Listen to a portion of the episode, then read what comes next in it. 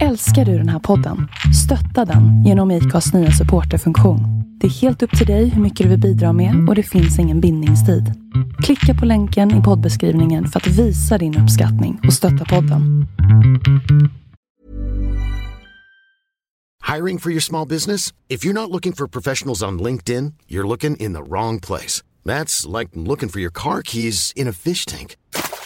LinkedIn helps you hire professionals you can't find anywhere else, even those who aren't actively searching for a new job but might be open to the perfect role. In a given month, over 70% of LinkedIn users don't even visit other leading job sites. So start looking in the right place. With LinkedIn, you can hire professionals like a professional. Post your free job on linkedin.com slash people today. Hey there, it's Michelle Norris. I'm host of a podcast called Your Mama's Kitchen. When I travel, I'm usually looking for a way to find a taste of home when I'm not at home. And one of the things I love to do when I am at home is entertain. And Airbnb allows me to do that. When I was in California recently, I rented a house that had a great kitchen. And when we were sitting around the table, we're all thinking, we're in someone else's house. Someone could be in all of our homes as well. If you have a home, but you're not always at home, you have an Airbnb. Your home might be worth more than you think. Find out how much at airbnb.com/slash host.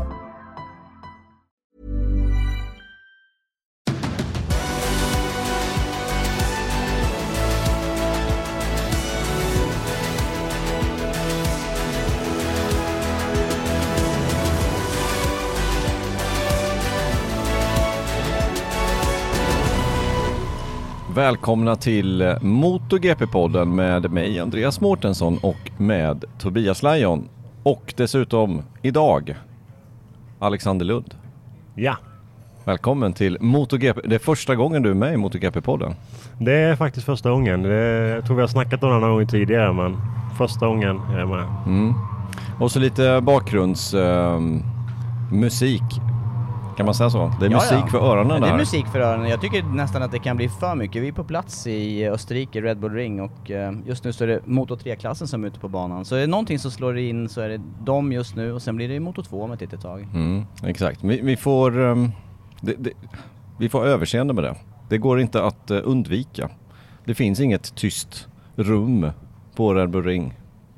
Det här tror jag är så tyst det kan, men det är mycket. Går man det. ut på läktarna då låter det ju extremt mycket, tycker man ju, som är, till och med vi som är vana med motorljud. Verkligen. Mm. Ja, nej men eh, vi tänkte att du skulle vara med i den här podden och berätta om din karriär, hur man tar sig till MotoGP. Även fast du inte kom till MotoGP så kom du till Moto2 och är den senaste svensk som körde GP. Ja, kul. Det kommer vi för, eh, fördriva närmsta timmen med. Mm. Ja, jag är jättenyfiken, för det är ju en väldigt, det är en väldigt smal väg, men, men det som, det som, eh, som slår mig när man umgås ett tag så här, det är ju liksom den här, någonting som är generellt tror jag bland, bland individuella idrottare, det är det här drivet framåt. Men nå- någonstans måste det ha börjat för din del Alex? Ja, men så, så är det för alla tror jag liksom. Och det, det, man har ju någonstans kommer man in på ett spår oavsett egentligen vilken idrott det är. Eh, I det här fallet var det motorsport och många är ju som jag själv var ganska i ung ålder så man har ju ambitioner och man har ju ett långsiktigt mål. Och, eh, och jag tror det är väldigt viktigt eh, att ha tydligt mål var man vill komma så att säga. Om man ska, om man ska lyckas komma dit så att säga. För det är, ja, som i många idrotter är det ju en lång, lång krokig väg för att nå fram så att säga. Eh. När började det för dig ungefär det här med inriktning just eh, tvåhjulingar eller motorsport? För det är ju som du säger, det är ju väldigt lång väg att gå. Exakt, och, och roadracing eller egentligen all typ av motorsport eh, framförallt kanske roadracing och bilracing och så här. Det är väl ingenting man hamnar på sådär superenkelt. Eh, det är väl ingen sån här, det är inte som att börja spela fotboll eller ishockey eh, eller så utan eh, men i, ja, jag var väl kanske runt 10-årsåldern där när ja, min pappa hållit på med motorsport, eh, kört lite motorcykel och sådär eh, och, och den vägen var det ju. Och, man provade att köra mycket, både motocross och provade speedway någon gång och körde lite go-kart och ja, det mesta med motorsport och till slut då roadracing då eh, som man fastnade för. Det slog mig nu Andreas, kände ni varandra som unga? För det är ju samma, det är samma område i alla fall som ni kommer För jag känner, det är väldigt bekant dialekt här.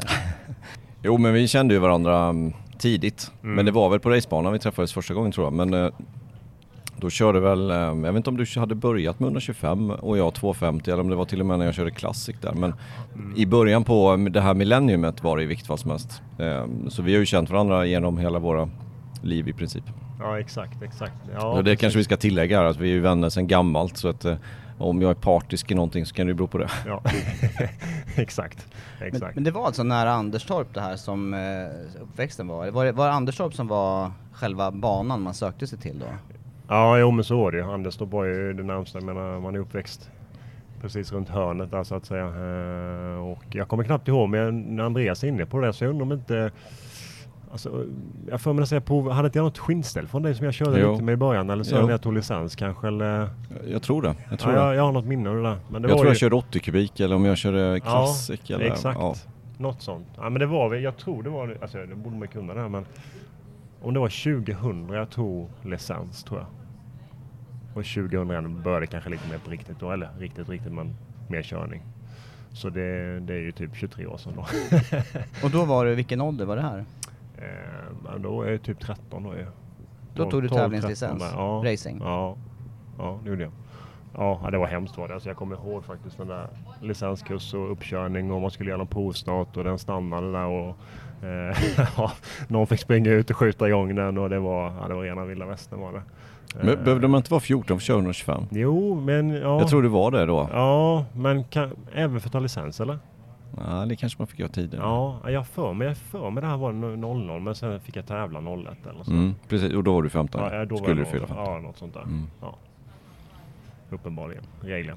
Men att ni ens kände till någonting om sånt där då, det, det var, måste ju hänga ihop med var ni kom ifrån, eller var du kom ifrån Alex? Ja men så är det ju. Eh, som sagt, pappa tävlade lite där innan och körde lite Classic Racing som det heter, heter fortfarande. Eh, och där var man ju med då inne på och så motorcyklar och sådär. Eh, och, och fick ju upp ögonen för det.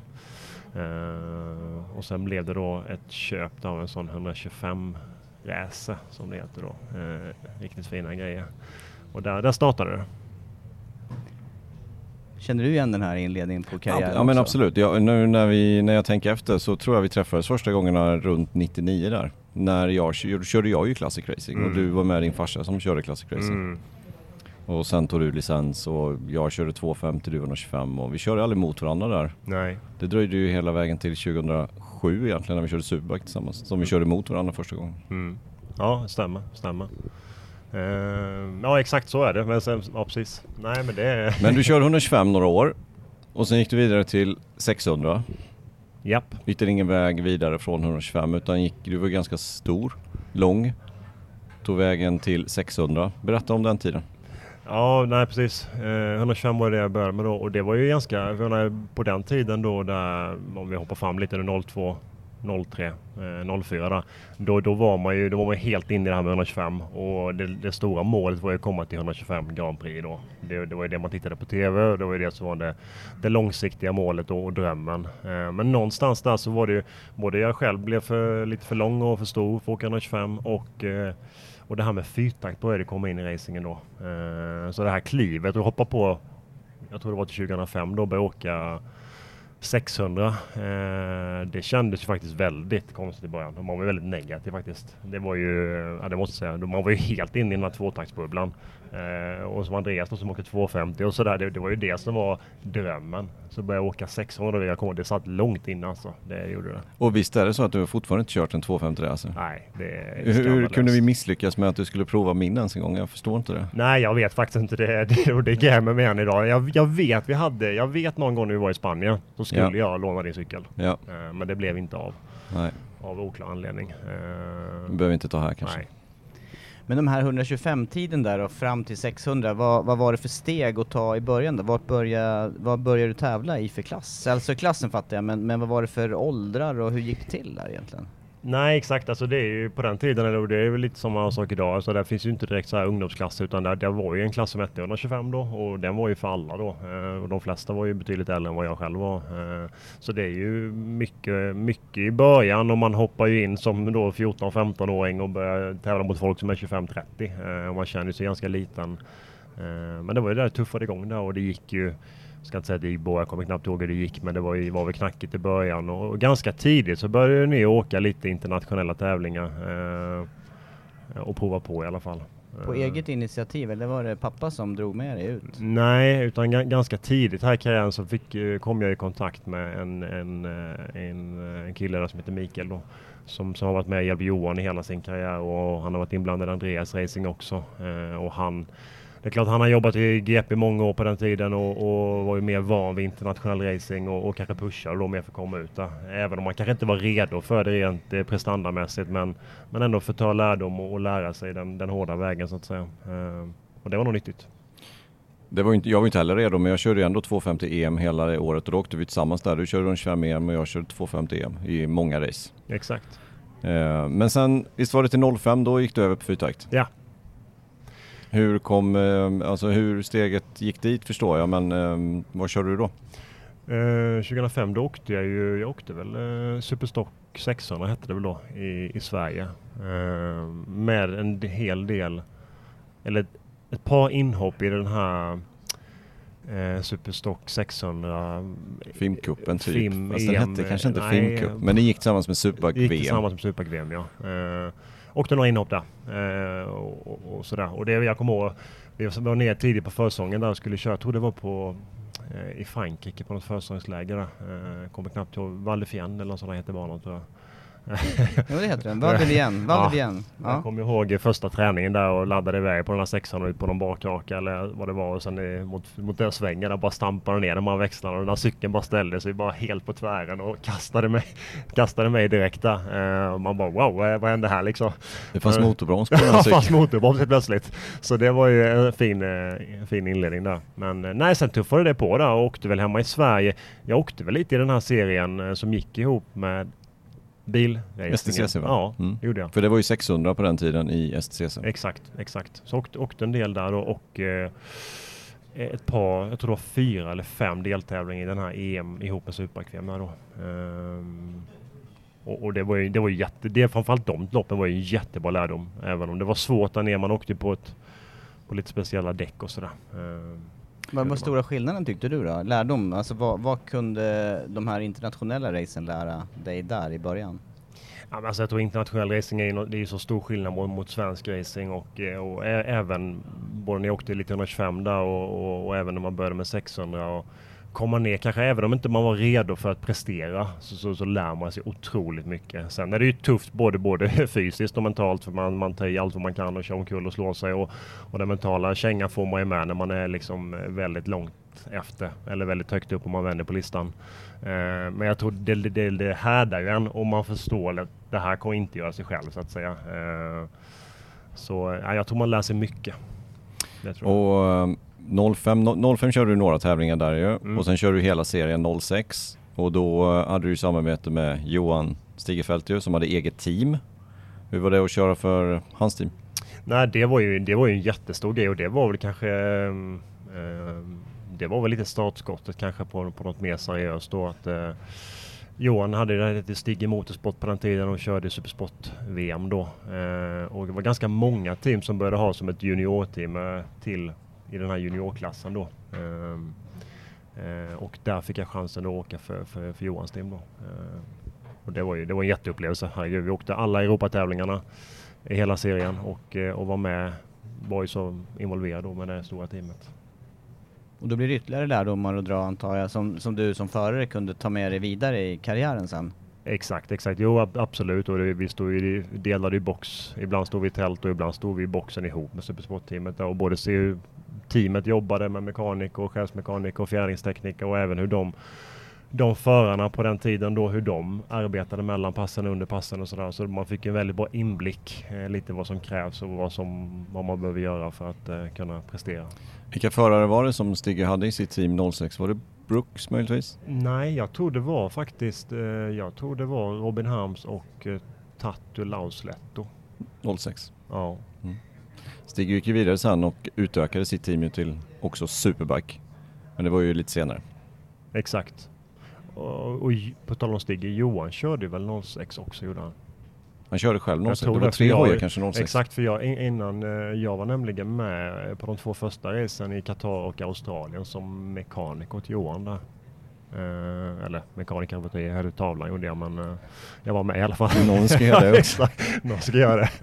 det lät bättre med mekaniker först. Ja.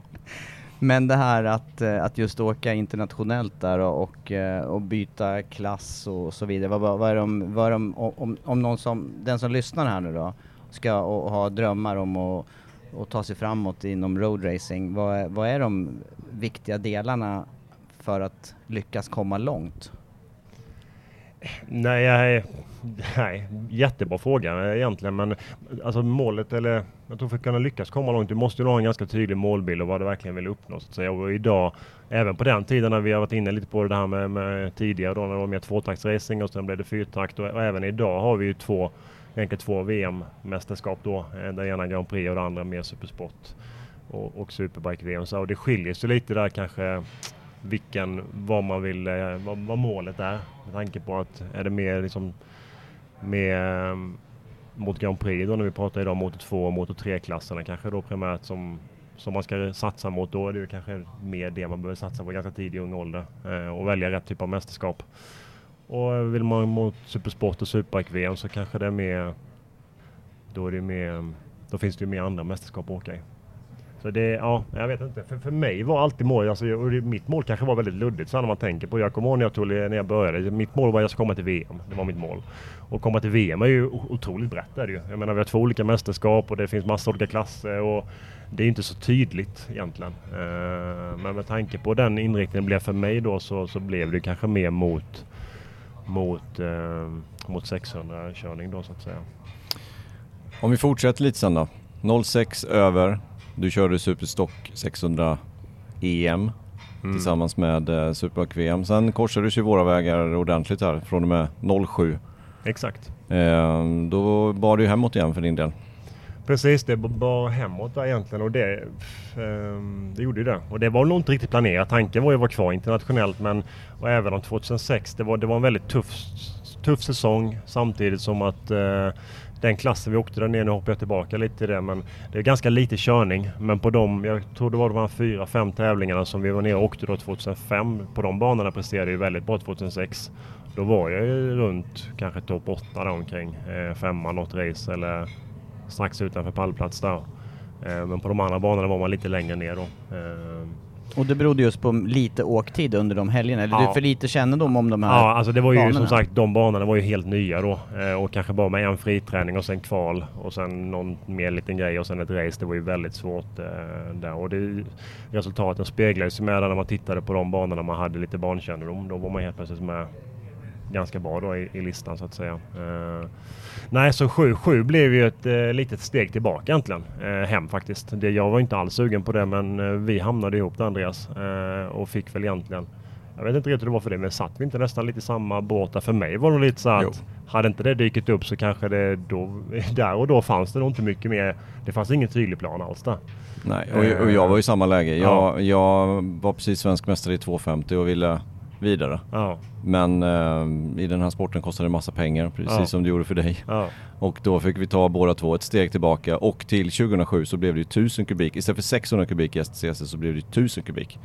Vilket gjorde att alla tillverkarna började satsa och där blev det ju för oss Aprilia. Japp. Det gjorde det. Något race för din del och hela säsongen för min del. Men, men eh, det blev något race där. Men sen sju, ja du körde ju Honda sen resterande delen av 07 och sen körde jag också Honda från 08, 09. Så de tre säsongerna de tillbringade vi ju i samma tält som eh, teamkompisar. Ja, Först i Skydda och sen Skydda Racing Team som vi hette och sen i eh, Honda Tools ja, och sen blev det Crest Guide Honda Ja. 09. ja. Och 09 då? Det var en bra säsong för dig. 09 var ju en bra säsong för mig. Eh, Och alla de tre säsongerna vi gjorde ihop där, de var ju, de var ju verkligen väldigt roliga. Eh, Och jag skulle säga även om de, ehm, de blev också väldigt lärorika. Ehm, Även om jag inte har följt alla år hemma i svensk racing så tror jag ändå att de, de åren där kanske är bland, bland den bättre svenska racingen vi har haft. Eh, Ja. Konkurrensmässigt, både bland förare men även mästerskapet i sig. Och, och, eh, och så som den cirkeln såg, så, såg ut där ihop med, eh, med STCC och bilracingen där. Så det, det, i efterhand var det ju, nu när man ser tillbaka på det, det var ju, det var ju häftigt var det. Alltså det var ju något då vi körde, vi gick ju live på SVT och man kom hem på kvällarna och det, man såg sig själv på spotten typ. Du vet, Sportspegeln. Ja. Det var ju ju- på den, Ja, det var 2030 det. Sportspegeln. Det var Ja, stort. det var det. Jag kommer ihåg den kraschen du gjorde på Karlskoga i ledning. Den var ju med på Sportspegeln just 2030 på söndagskvällen. Vi satt hemma åt Micke Nilsson, Crazy Jajamän. Mike och så såg vi den här kraschen på Stämmer. Sportspegeln. Det var, Stämmer, stämmer, det, stämmer. var, det var ändå poppis på den tiden och jag håller med dig. Det var, det var de tre åren där. Det var kanske det bättre av svensk racing Ja.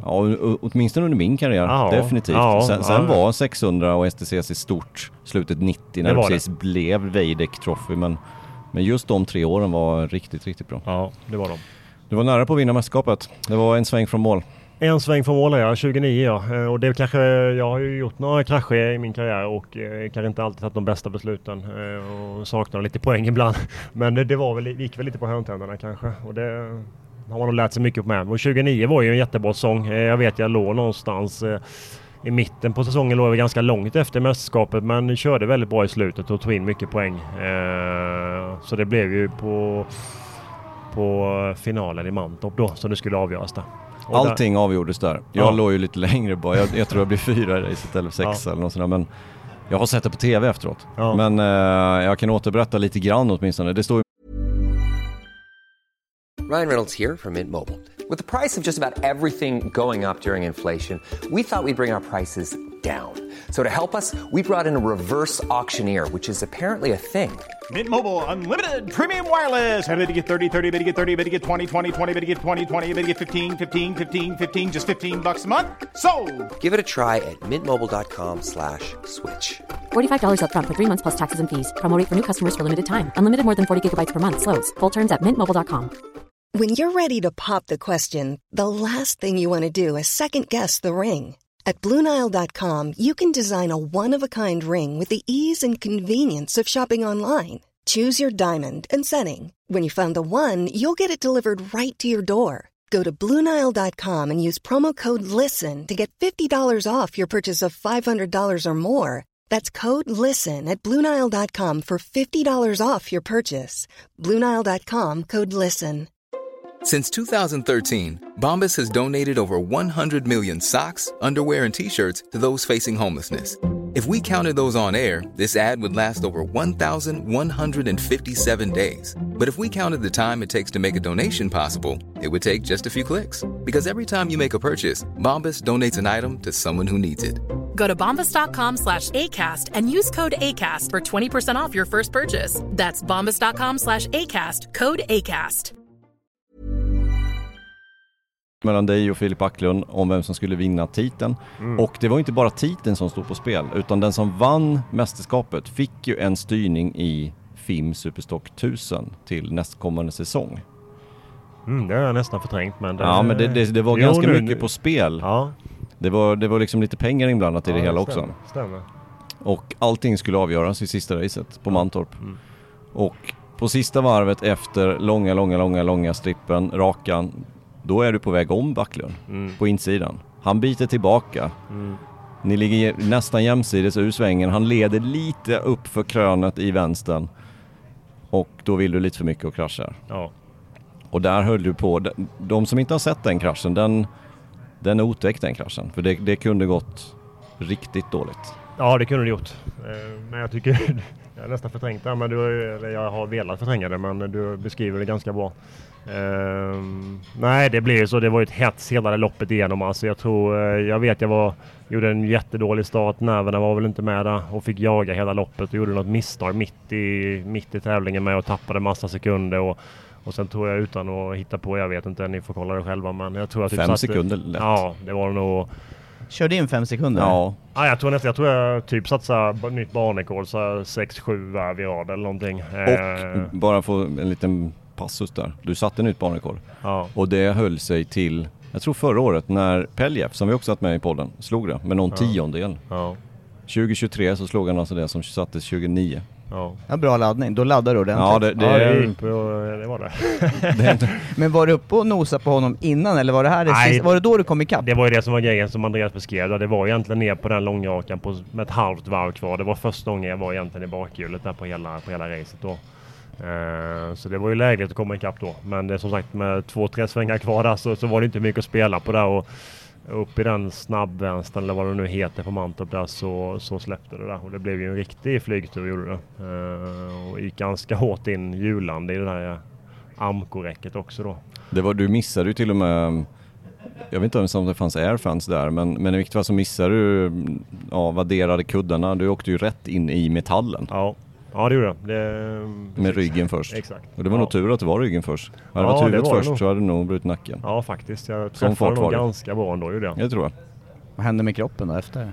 Nej, jag, jag vet jag bröt foten eller någonting i foten i alla fall. Så det var dumt ben vet jag för jag gick eh, gipsad väldigt länge efter detta gjorde jag. Eh, Det upptäckte han ju inte. Det kan jag berätta då, för, för det var bankett på kvällen sen. Ja. Och den var vi ju med Det på. vill du inte missa heller. nej, nej. Den var vi med på båda två kommer jag ihåg. Och sen så någon dag senare så bara, fan jag går i gips. Vad fan har du gjort? Så, Men det var efter kraschen. Jag bara, men alltså du... Tryckte in ett par Inte så italienska som- lågskor, Ja, dansskorna exakt. på. Dansskorna Inte så på. som du höll på så det inte ut som att du brutit fot. Men det, visst gick du med ganska länge med Ja, det? länge gick jag. Jag vet, eh, jag gick länge där gjorde jag. Ehm, det var något dumt ben. Men, fanns eh, det, jag- tänkte bara, fanns det där med i ditt, i, i, i bakhuvudet någonstans? Något risktänkande någon gång? Eller det, det, vad tänkte du? Eh, får jag svara? Ja, svarade du? Kolla inte på säsongen 28-2009 när han kör. Nej, Då har du svaret. Ja. Nej, det var nog faktiskt, jag får nog hålla med Andreas där. Jag, eh, Det var nog inte jättemycket risktänk på den tiden. Eh, tror jag inte. Eh, Så hade du möjligheterna. ja, exakt. Ja, Men just under den där kraschen, då, då fattar man ju att det, det, här kan, det, här, det här är inte bra. Det går hyfsat fort. där. ja jag, och jag kommer inte knappt ihåg vad jag tänkte. Men visste man, jag har ju tänkt att det här är ett dåligt ställe. Man, den, den svängen är ju, det visste man ju redan innan att den, den är lite farlig. Är den, är lite lurig, går ganska fort där. Eh, och, eh, men där och då var det egentligen mest det mästerskap man tänkte på då. Eh, att man, man losade det där i, i slutet. Så det, Så du gick miste om den styrningen. Men det gick ju kanske ännu bättre ändå. Det kanske var tur mm, på sätt och vis. För sen bar det iväg utåt igen. ja. Och Supersport-VM Mm. 2010-2011. Mm. Exakt. Eh, 2010 då så blev det ju ja, ett stort steg. Eller e- egentligen en stor del av kanske alltså det långsiktiga målet med från, från, från tidig ålder eller tidigt i karriären där. Då, då blev det ju en första säsong i VM då helt enkelt inför 2010. Eh, och det blev ju att eh, det var ju egentligen, alltså Stig, det var ju, har lite med Johan att göra detta med. Han la ju egentligen ner sitt 600-team där eh, och vi egentligen tog ju, eller köpte loss och tog över den platsen helt enkelt. Eh, och, och startade ett, ett svenskt team igen då som hette då Cresto Guide eh, Racing Team hette vi väl då. Och eh, med mig som förare då, ensamförare och körde hela mästerskapet här 2010 då.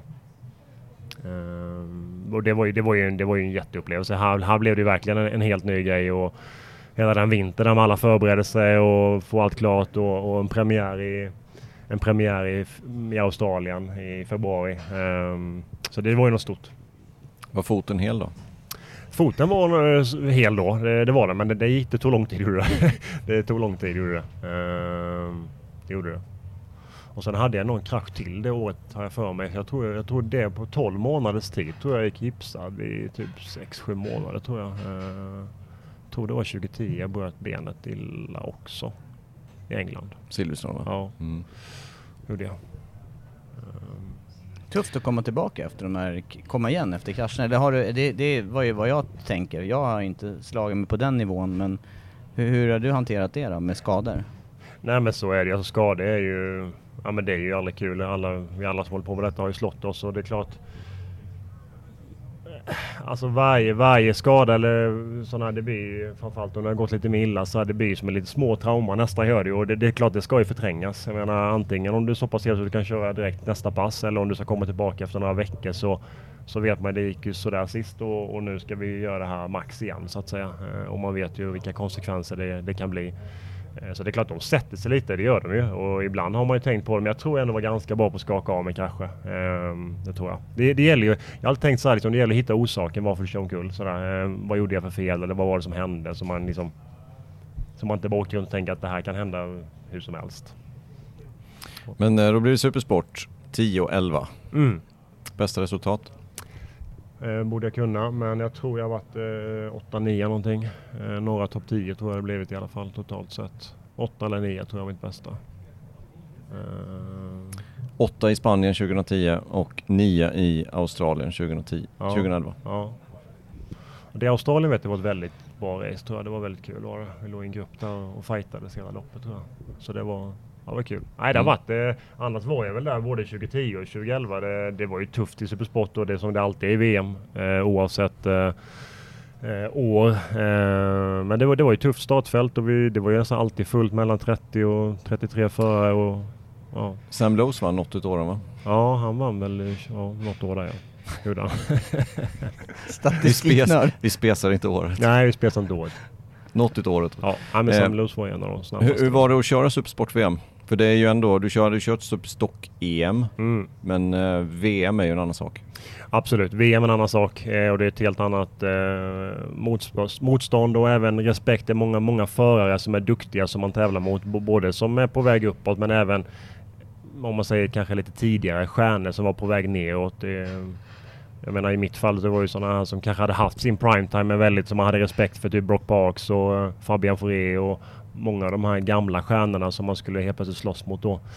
Uh, och man kunde lära sig mycket men det, det, det, är- det är något helt annat. Är det. det var Uh, det är mycket nytt och mycket att ta in och, och det är inte bara att köra motorcykel. Det är, det är mycket mellan öronen och, och för att kunna prestera. Hur mycket, hur mycket kunde man samla in data från körningen där? Hur mycket elektronik fanns det att tillgå på, den- på den tiden? Eh, eh, Mycket. Eh, Det var vi alltså framförallt där 2010. Då var det ju Supersport. Då var det ju egentligen fri el var det. Så då åkte man ju med... Vi hade något som hette Motec tror jag. Men det var ju, var ju full med traction och, och allting då. Eh, Och fjädringslager och så såklart. Sen hade vi ju mycket data från, från tidigare år där med de andra grabbarna i, i Stigge som hade kört Supersport. Så vi hade mycket data på, på banorna eh, som vi kunde ha nytta av.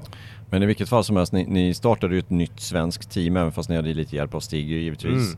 Eh, Micke Larsson som hade varit med i Stig i Motorsport var ju med dig i hela de två, eller de två säsongerna. Mm. Men det är ändå, att köra för ett befintligt team är ju lite lättare än att starta ett eget team. Verkligen. Verkligen. Alltså, min, klart min, mitt huvud, på pappret kanske min huvudroll var att köra men, men man var involverad i alla beslut och allt som skulle göras och förberedas och fixas. Så det blir ju det blir mycket, och- mycket att stå i och vi var ju ett, en, en, en liten crew men eh, med svenskar då som drev detta. Eh, Och Micke var ju en väldigt drivande del i detta. Min bror la ju ner all sin själ i det och, eh, och ett par andra personer också då. Så det var ju mycket jobb runt omkring. 13 race var det 2010, 12 race 2011. Mm. Vad ligger budgeten på för en sån satsning då? Detta är alltså 12-13 år sedan. Eh, ja. Ja. Men jag tror bägge de åren där vi landade nog ungefär ganska lite. Det var ju eh, 12-13 år som du säger och ändå, ändå låg budget men kanske runt, runt 2,5 per säsong ungefär. Eh, för att driva runt detta då. Det var 2011 det, sen eh, hände någonting annat 2012 va?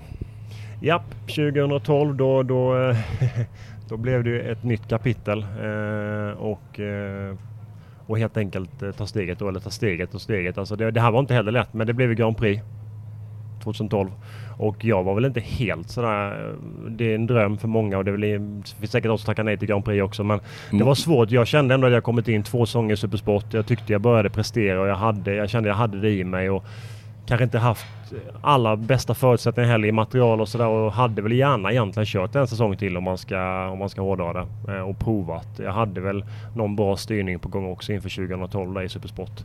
Som, som jag också ville egentligen testa men man kan inte vara i två, två depåer samtidigt så eh, till slut blev det då Grand Prix och Motor 2 då. Mm.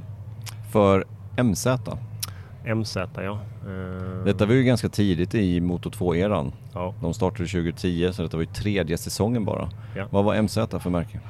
MZ är ju en, gammalt tyst MC-märke eh, och de hade ju faktiskt tidigare säsonger där 2010-11 så försökte de ju bygga, eller de byggde ju egna cyklar, egna chassin och körde med de här Honda-motorerna på den tiden.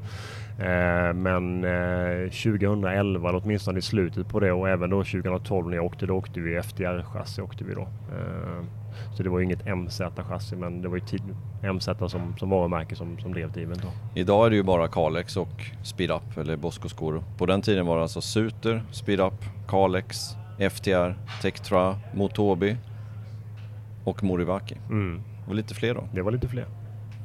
Exakt. Nej, det var ju många chassin då som rullade och, eh, ehm, och det var ju väldigt blandat så att säga. Eh, både Sutte och Kalit kanske var de Sut, Sutte var ju de som presterade bäst i början vad jag minns i alla fall. Moriwaki var för fan ju första året, men Ja. sen var det ju Sute som vann Exakt. 11-12. Ja, Innan Kalex började prestera från Ja. 13 och framåt. Ja, ja. Vad var, det var- skill- vad var skillnaden där då? Och kliva, ta klivet från Supersport till eh, Moto 2. Vad, vad var de stora skillnaderna tyckte du? Nej, men, eh, alltså, den stora skillnaden är chassit egentligen. Eh, alltså, menar, en, en supersporthoj är ju trots allt i grunden en, en, en gatmotorcykel eh, och har ju ett ganska mjukt, eh, fladdrigt chassi. Eh, och en, även om en, en Motor 2-hoj är ju ett, ett, det är byggt för banracing och det är ett chassi som är väldigt styvt och eh, det är en helt, helt annan känsla i, i, i, i cykeln och, och i körningen och kombination med de, med de däcken då, eh, slicks, eh, som vi åkte med Motor 2. Eh, jämfört med på den tiden var det mönstrade däck i, i Supersport så, så blir det ju en helt annan styvhet i, i, i motorcykeln och eh, helt annan känsla. Och förarkvalitetmässigt då? Är det några skillnader? Tyckte du, upplevde du skillnader på nivån på förarna i de här två världsmästerskapen? Eh, ja, det, det måste jag säga. Alltså, Grand Prix det är ju ett steg till, helt klart är det ju. Alltså det, där, där är allt på topp. Och jag menar, vi ser det även idag. Liksom, i, i, den här, I den här depån kan ingenting... Alla parametrar måste stå rätt för att kunna prestera. Eh, du måste ha en bra motorcykel, du måste ha bra team, du måste ha eh, du måste vara stark mentalt och ha det bra på alla plan runt omkring. Rätt personer runt omkring. Allt måste stämma, annars kan du inte prestera. Det, och så ser vi även idag. Man ser jätteduktiga förare som kan vara med jättebra ena säsongen och så är de längre ner säsongen efter. Och det kan vara små grejer som gör det att man, att man inte är där och då, då saknas den här tiden som behövs för att kunna, för att kunna göra ett bra resultat. 2012 är vi framme nu ju. Mm. Jag tänkte dra lite namn här från premiären, Motor 2. Mm. Eh, jag har resultatlistan från Qatar. Mm. Vinnare, Mark Marquez. Tvåa, Andrea Janone. Trea, Paul Espargaro. Fyra, Steve Rabatt. Femma, Tom Lytti. Sexa, Scott Redding. Sjua, Mike DeMeglio. Åtta, Simone Corsi. Nia, Bradley Smith. Tia, Mika Kallio. 11 Randy Krummenacher, 12 Johan Sarko, 13 Tony Elias, 14 Takaki Nakagami och 15 Julian Simon. Mm. Ja det är några namn där som, som, Hyfsad som är, som är man, blir nästan, man blir nästan tyst. Ja. Och då ska vi också komma ihåg att det var 33 förare till start i det här racet. Ja. Då har vi inte nämnt eh, Takahashi, Axel Pons, Nicolas Tirol som har varit med världsmästare i 125 Mm. innan han körde här. Eh, ja, bland annat. Mm. Alex De Angelis. Ja. Ja, det finns ett gäng, ett gäng namn till. Ja. Nej, det var ju, det, det var ju, det, det är ju ett superstartfält är det ju. Eh, och slå sig in där och, och, och göra det, det, det är inte lätt. Det är inte lätt, det är det inte. Och det var ju en tuff start, men det var, det var mäktigt alltså att komma till Qatar där som du nämnde. Till den premiären. Eh, den här fotoshootingen på banan, och Motor 3 och Motor 2 och sen Motor GP och man vandrar runt där och springer nästan in i Rossi och man eh, känner sig helt förvirrad egentligen. Men det är ju en jätteupplevelse och man var ju man var ju väldigt taggad för detta. Eh, men, men ja, mycket ska stämma med för att lyckas. Och det blev, det blev ju en väldigt tuff säsong, gjorde det. Eh, kanske redan från start. Men eh, ja. Redan från start. ja, redan från start. Visst var det det här racet som Lytti var väldigt arg på Marcus? Mm, det stämmer. Visst var det? det är ju en av mina Sista varvet. käpphästar När Marcus går in eh, och och tar spåret från Lytti och Lytti fortsätter rakt fram i kurva 1 på sista varvet och blir, vad sa jag att han blev då? Fyra, femma någonting tror jag. Ja, femma blev han till slut ja. Ehm, Visst blev han lite tagen i örat av Marcus efter det? Ja, det gjorde han. Det, det, blev, det var, jag kommer ihåg det. Det var, ja, det var rätt mycket ståhej kring det där faktiskt. Var det. Lutte var ju eh, milt uttryckt missnöjd så att säga. Eh, och Marquez fick sig nog en, eh, en liten skopa efter detta. Eh, Tror du han brydde sig? nej, det tror jag faktiskt inte. Eh, det tror jag inte. Inte ett skit faktiskt, men, eh, men så var det i alla fall. Och för att lyssna på avsnittet i sin helhet behöver du bli Patreon-medlem. Gå in på patreon.com MotoGP-podden. Det ger även tillgång till vår Facebook-grupp som är exklusiv för Patreon-medlemmar.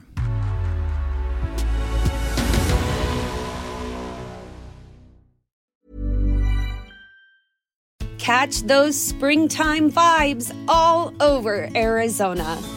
Break out of the winter blues by hitting the water at one of our lake and river parks. Take a hike among the wildflowers Just make sure to stay on the trails and leave the flowers for the bees. Discover Arizona's best kept secret and visit azstateparks.com slash amazing to start your springtime adventure.